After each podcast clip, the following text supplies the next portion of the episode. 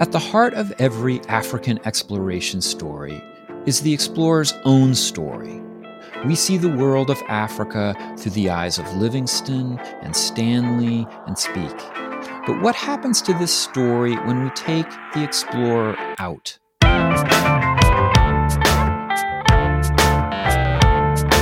It's time to eat the dogs. I'm Michael Robinson.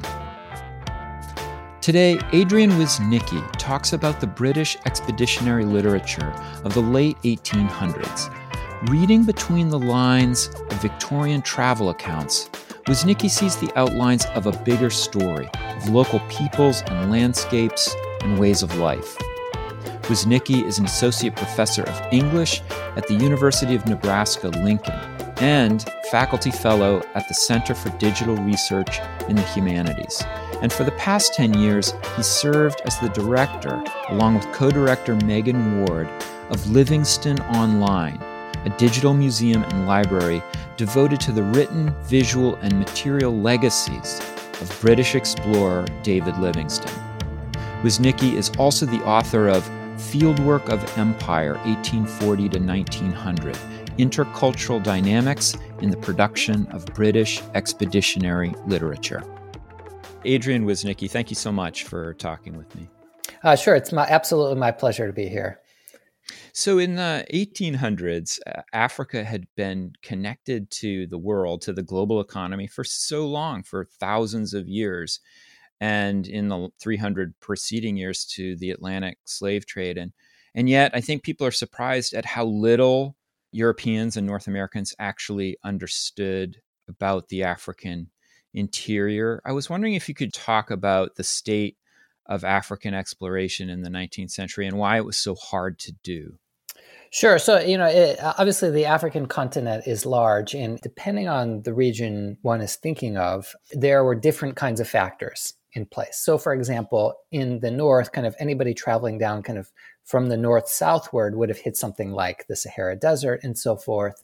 Depending on which kind of southern or eastern or western coast you were coming from, there might be various kinds of factors in place. For example, malaria was a huge factor in sub Saharan Africa and kind of preventing travel into the interior. And this was especially true in uh, Western Africa. So there are just a variety of kind of geographical, cultural, uh, and other kinds of factors that would prevent people from traveling into the interior. So, what was the major goal of early explorers? Uh, for example, in the 1840s, you talk about uh, David Livingstone, the Scottish physician, Christian missionary, who leaves Europe to explore southern Africa. What's what's he trying to do? Sure. So, so there, there's a couple of interesting things to say about that. So, first, there was a representation, a popular representation in, in Britain and elsewhere in Europe, that the kind of interior of Africa was unknown in quotation marks in various ways. And to a degree, that meant that it hadn't been visited by Europeans and documented by Europeans. Uh, but one of the things that, like my book brings out, especially in some of the earlier chapters, is that actually uh, people who, who kind of specialize in this, is, you know, people associated with the Royal Geographical Society and so on, knew a fair amount about the interior. And a lot of that information came from travelers who are not European. So, Arab travelers, African travelers, uh, those people would engage in various trading expeditions, go into the interior, kind of come back out with whatever kind of you know uh, items they were collecting and so forth. And then they would be interviewed or their information would somehow be passed on uh, to European specialists. And then that information will be collated to produce these maps of the interior of Africa.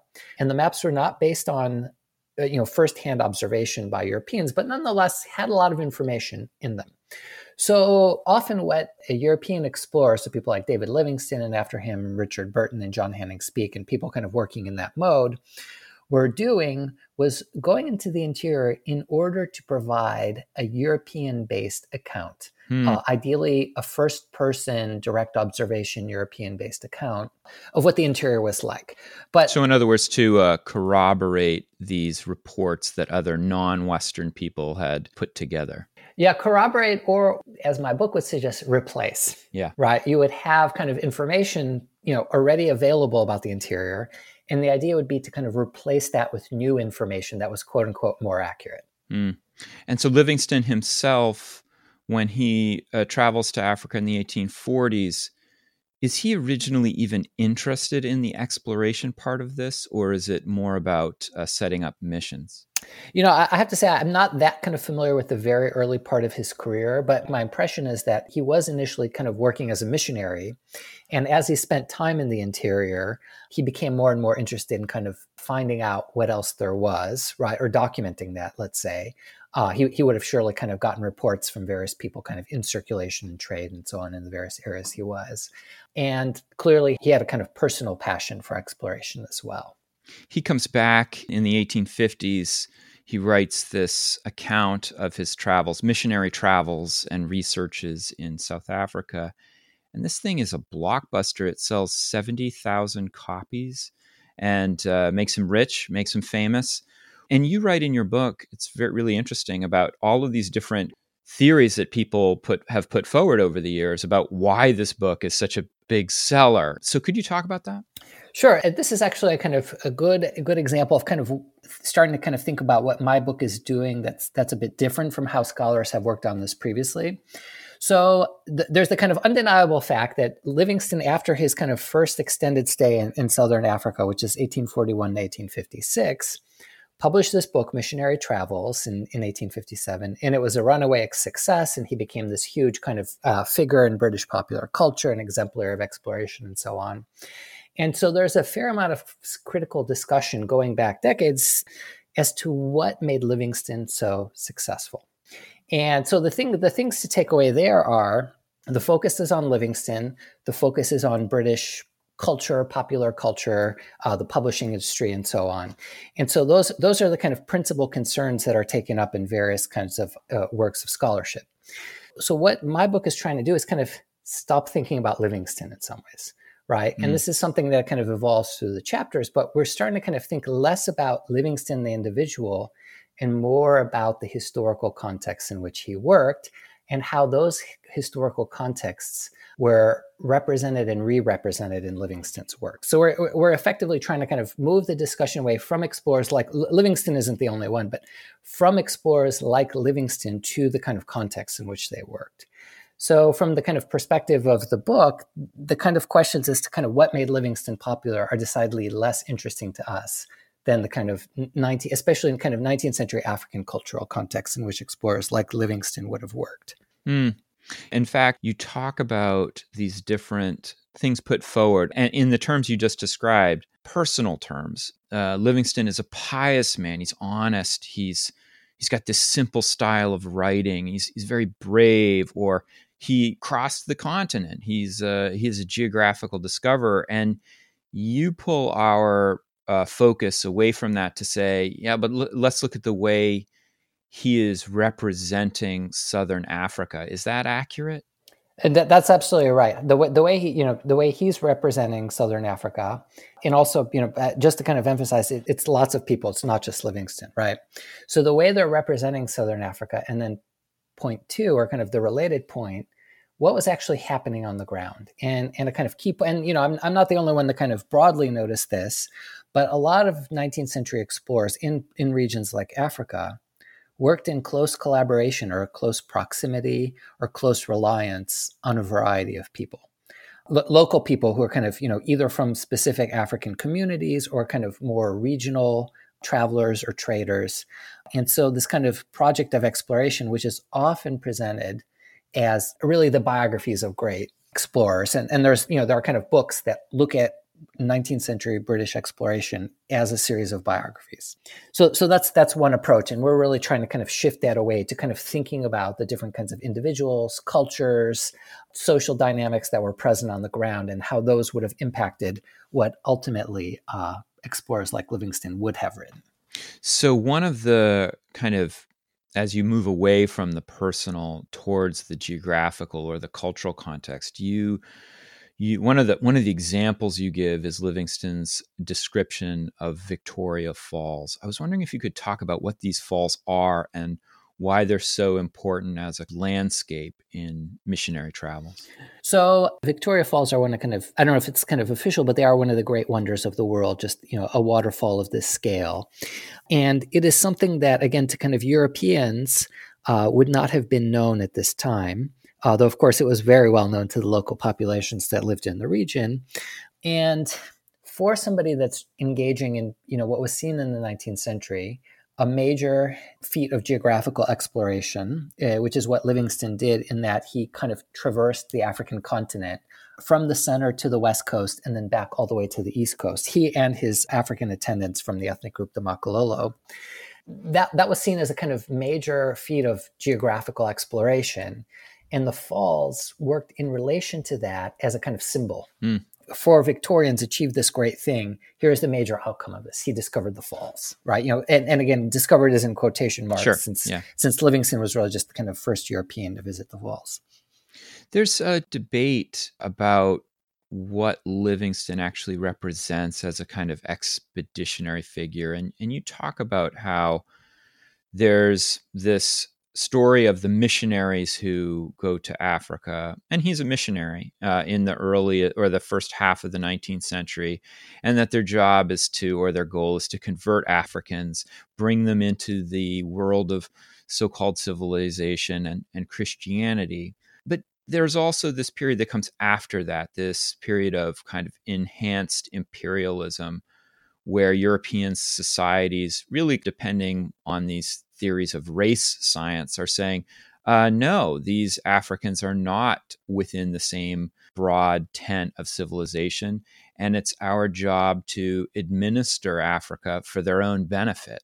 So, anyway, I'm, I'm taking a long time with this question, but Livingstone stands at the cusp of those two worlds. I was wondering if you could talk about where you would place him. Yeah, so so that's a good question. And when you work with 19th century uh, exploration materials, as I have for this book, it can be very difficult because the way a lot of 19th century explorers represent people of different cultures, and by different I mean pretty much anybody that's not European, yeah. can make for really difficult reading in the present day. Right? They, they express things in ways that are you know can be kind of can range from kind of uncomfortable to to utterly repugnant to us and partly this has to obviously do kind of with the individual, but it's also uh, reflective of broader ways of thinking within the culture. And one of the things that's happening in the 19th century is, is you know, there's this kind of shift from seeing non-European, non-Western peoples as equals. And, you know, I'm kind of painting very broadly. There's a lot of nuance to this, but seeing them as equals to seeing them as people that somehow need to be taken care yeah. of right? So equals without Christianity versus people who are not equal will never be equal and need to be taken care of until some future date when they're equal, which is kind of, you know, infinitely deferred, let's say. And so that that, you know, that, that kind of thinking in the culture is happening in the 1850s, 1860s, and it really kind of accelerates in the 1870s and 1880s. Uh, and Livingstone is really kind of on the kind of earlier end of the spectrum. So as a result, by comparison, some of some later explorers his writing reads better in some ways when he's he's discussing certain people. So, for example, when he writes Af- about Africans, it can be you know it not it's not consistently so, but it can be much more palatable than say when he writes about Arabs, which can yeah. still make for kind of really bad. I mean, it's just very painful, ex- exceptionally painful reading. The context of that is that uh, Livingstone blames the Swahili coast Arab populations with maintaining slavery. Is that correct? Is that where some of his that, vitriol comes from?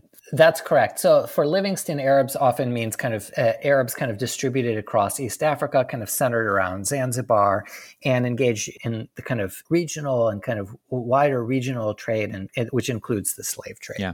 So for him, he's he's often speaking about very specific kind of Arabs, but for him, those Arabs kind of come come to exemplify everyone. Yeah. In later chapters, you expand the scope of this examination of exploration to include the East Africa expedition led by John Speke and Richard Burton, which leaves Zanzibar on the coast of East Africa uh, in 1856. I was wondering if you could talk about the goals of that expedition and uh, why it is so important. Sure. So, uh, so that that expedition was was interesting in, in that, un- unlike the Livingstone expedition, it was fronted by two people. I mean, Richard Burton was officially the leader, but he had a kind of second in command who is also European and who you know, as kind of history would show, actually came to upstage Burton yeah. in the kind of work yeah. they did. So that expedition, as did a lot of 19th century expeditions of that sort, this one was sponsored by the Royal Geographical Society, as were a lot of them again, had a variety of goals. Uh, broadly speaking, it was to produce comprehensive documentation of the interior of Eastern Africa, including the various waterways, waterways and, and lakes, so as to resolve uh, ongoing debates and discussions in European geographical discourse. Uh, to put that in other ways, there are lots of questions about rivers in the interior of Africa and about the different lakes. And in particular, one kind of source of fascination was the source of the Nile. Yeah. So the East African expedition was trying to address a lot of those questions. Uh, where did various waterways run? Uh, how were they connected to the Nile? How were they connected to other major African rivers like the Congo River and so forth? So it was trying to gather documentation in that respect, but just also more broadly about the area in general.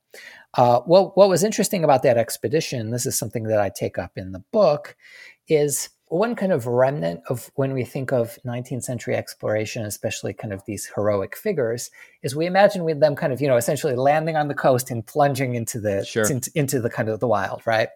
The reality didn't work like that at all. There were long-standing, in some cases, you know, in many cases, kind of several hundred year old, well-established travel and trade routes and uh, there were all kinds of protocols and all kinds of regimes already established on how these routes worked. And so, quote unquote, explorers like Burton and Speke, who showed up in East Africa, wouldn't actually kind of plunge into the wild as much as plug into these established networks and have to work within their protocols. Yeah, you. Um, I, I found this point really interesting in your book because that expedition among people who study this sort of thing are really known one because the, these two guys fell out and had this huge controversy over mm-hmm. um, the lakes that supposedly were the source of the Nile. And then they fought about it back in England, as well as all of the expeditions that were kind of inspired after it to put together the map of the lakes region. So that's how it's normally talked about. And yet your interests in the book are quite different. You talk a lot about how what's not being seen here is the degree to which these two men were relying upon local knowledge, Nyamwezi knowledge, to create these maps in the first place. Is that is that correct? That that's absolutely right. So it's it's not only kind of uh, depending on local knowledge, but also depending on the local systems. So there was a kind of reality that was structured in place there, right? As as you might imagine for any any kind of non-European context, right? Like long existing uh, realities. And what explorers like Burton and Speke did, one of the key things they were doing was mapping, mm. right? They were they were traveling and gathering various kinds of cartographical data. And so one of the things that the second chapter of the book really kind of explores in terms of how it functioned and developed was the representation through maps of Eastern Africa and how a kind of reality that existed and had already been mapped through prior maps that drew on local Arab and African knowledge was essentially wiped away and overwritten by the information and data that Burton and Speke had hmm. gathered. Hmm. So, so this is what I was talking about. So it's it's less creating their materials in collaboration, more kind of writing their materials over existing uh, facets of reality. Yeah, you know, I, I was kind of struck by this because in my own project, uh, my my second book was about uh, Stanley in Africa. Mm-hmm. you know, there's this way in which when Stanley arrives in uh, on Lake Victoria, and he's talking to uh, African kings such as King Mutesa. Mutesa already knows all this stuff about the outside world, and there's a way in which we're not told how he would know these things. you know, sure, like, sure. There's a whole kind of story of the outside world that exists from these traders that you're talking about. That they're there's they're like ghosts in the story. They're never really kind of developed as as storylines. Anyway, I, that's not even a question. It was just something that uh, was that struck me reading this. That I was like, huh, yeah, I've seen I've seen this too. Yeah, no, no I, I, think this is a great point. point, and and there's kind of two two layers to this. So one, you know, the way you've characterized is absolutely true, right? Like Mutesa knew that knowledge from somewhere, right, and it wasn't from Stanley. Uh, and two, in the 19th century, there was less interest in kind of documenting those kinds of sources because they weren't yeah. European sources. So now, kind of from the vantage of the 21st century, it's all the more difficult to kind of explore that kind of, you know, discuss that kind of material because we don't know what we're discussing. We get kind of reported conversations, they're not always attributed. We get to various kinds of bits of data that is kind of unsourced, but mm. we know it's not coming from the explorers, you know, the British explorers necessarily. You um, also move beyond just the European and American expeditions to Africa to talk about literary representations of the continent, specifically the work of Joseph Conrad's novella Heart of Darkness, which uh, probably everybody read in high school, but tells the story of Charles Marlow, who's narrating essentially a voyage up the Congo River and then confronting this European who's gone native, so to speak, an ivory trader named Kurtz. And I was wondering what kind of role this plays in the broader project that you're trying to describe. Sure. So, so that's a good question. So, I bring in Heart of Darkness in the book's last chapter, and the book is principally concerned with non-fictional expeditionary literature, uh, British explorers that kind of traveled to Africa and so forth. Uh, and then the last chapter kind of considers how the argument developed in the book as a whole might also be applied to fiction, and it uses Conrad to kind of illustrate that point. So, Conrad's book, it's a very kind of popular, so a lot of people are very familiar with it, really focuses on these two individuals, Marlow and Kurtz the, the scholarship on is, is vast, so it's kind of kind of yeah, hard. it but, is vast. But let's just say there's there's a pronounced focus on Marlow and, and Kurtz to sure. say the least, yeah, right? Yeah, yeah. And then the kind of major branch of that scholarship grows out of the kind of highly influential essay that uh, Chinua Achebe wrote in, in the late 70s about kind of Conrad and Heart of Darkness. One way to kind of boil down the central question of Achebe's essay is was Conrad a racist or not, right? and you know in his representations and kind of you know the various things he wrote and so forth. So that kind of scholarship including the achebe scholarship kind of keeps the focus on the europeans right? Yeah, is it is right, it conrad? Right. is it kurtz? Is it marlow et cetera right? So what i kind of do and this is really kind of the last move in the book since it's the last chapter is i say well conrad wrote this book about a particular uh, historical context in late 19th century Eastern Congo in this specific region. What difference does that make, right? How would this book have been different, say, if it was written in Eastern Africa or Southern Africa? And so, sure, in this particular region, the Belgians are there, but that's only kind of one of many kind of things that's happening. And there's kind of a long standing history in that region that kind of far exceeds anything that the Belgians have done in kind of the decade or, or, or two that they've been there by the time Conrad gets there, right? It's actually probably not even a decade.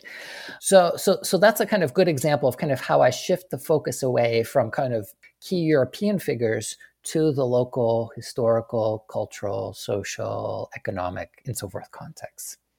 There's a way in which the story that you're talking about echoes this shift in scholarship about africa and asia and other places uh, in in scholarship where you know, explorers go into these places as heroes when they're written about in the 1940s and 1950s. And when you have this kind of shift in the social sciences in the 1960s with Foucault and Said and these guys, sure, then often that next generation, you see these Europeans, but they've become villains, but they're still at the center of the story.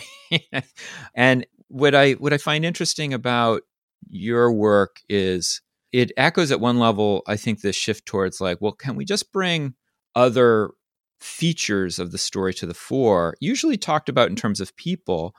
But in your work, it, it almost feels like there's a certain element of environmental history in it. You're actually paying a lot of attention also to landscapes and to uh, to places. I don't know if you have any thoughts about that. Yeah, sure, sure, absolutely. So, so I think I think you know the characterization you've given is really good, and a key facet of that, and especially kind of in the wake of Said, is an endless array of really amazing post-colonial scholarship that kind of emerges over the last couple of decades as I'm writing the book, I'm conscious of another a number of critical dimensions, right? So I'm very conscious of the British centered or European centered historiography that's been written about these British explorers.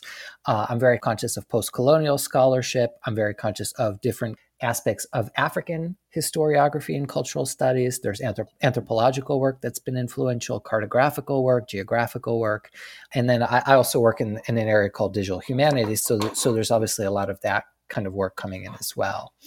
So even this, though this book is kind of in a lot of ways written like any other kind of book of this sort may be, which is a kind of extended engagement with the colonial archive and you know kind of extended analysis of that archive.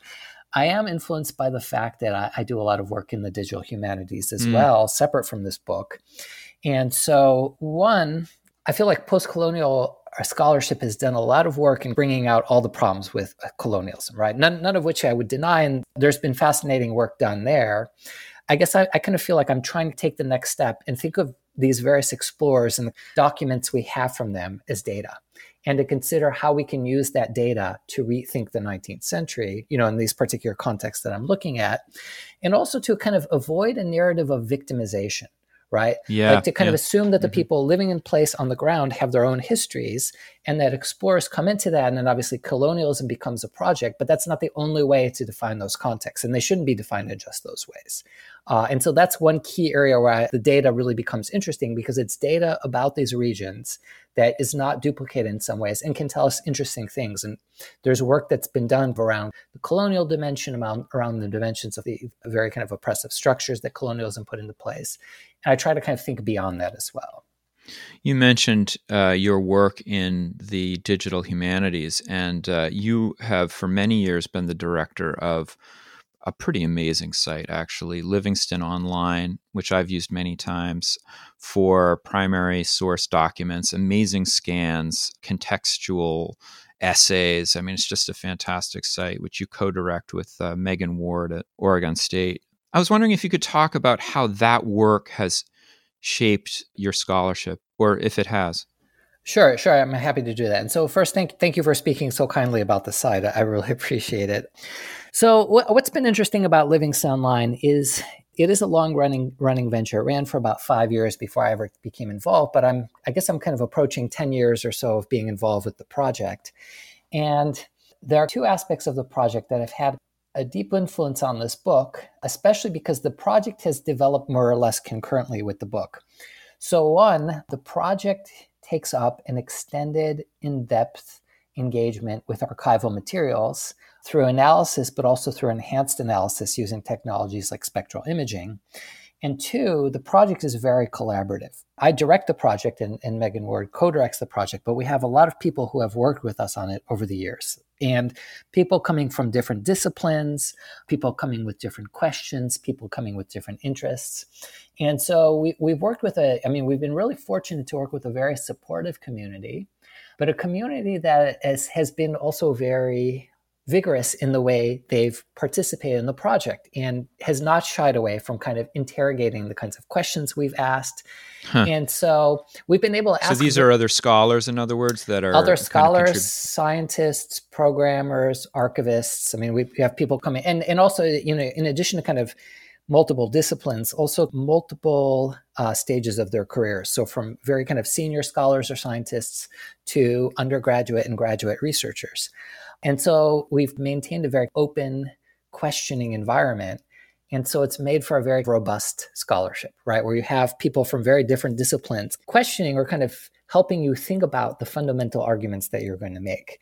And so it's it's really helped us kind of think about these materials in complex, interdisciplinary, robust, and new ways. Uh, more so because often some of the kind of people from other disciplines that we're working with have never thought about these materials, so they kind of see them with fresh eyes. So, for example, some, some of the scientists I've worked with, uh, you know, they're kind of leading experts in the image processing that they do, but they've never thought about 19th century exploration. Yeah. so the way they see it will be very different from somebody, you know, like me, who's kind of immersed in the critical literature. And so they can provide very interesting insights. And so that has really shaped how I see the primary materials that I'm working with. And in particular, one thing that I've really become aware with aware of over time is just how collaboratively written those materials are, how much they depend mm. on input from all the kinds of interlocutors that these, you know, Livingstone, but also other explorers worked with. How much of the data is less kind of produced data as much as gathered data. Mm. Adrian Wisnicki, thank you so much for talking with me. Oh, it's been my pleasure. And thank you again for having me on your podcast. I really appreciate it. That's it for today. The music was composed by Zabrat Make sure you check out the Time to Eat the Dog's website for podcast links and other exploration related stuff. And if you get the chance, please take a minute to rate and review the show wherever you get your podcasts. It really helps make the show visible to new listeners. And if you want to recommend a guest or make a comment, feel free to contact me at time to eat the dogs, that's one word, lowercase, at gmail.com. See you next week.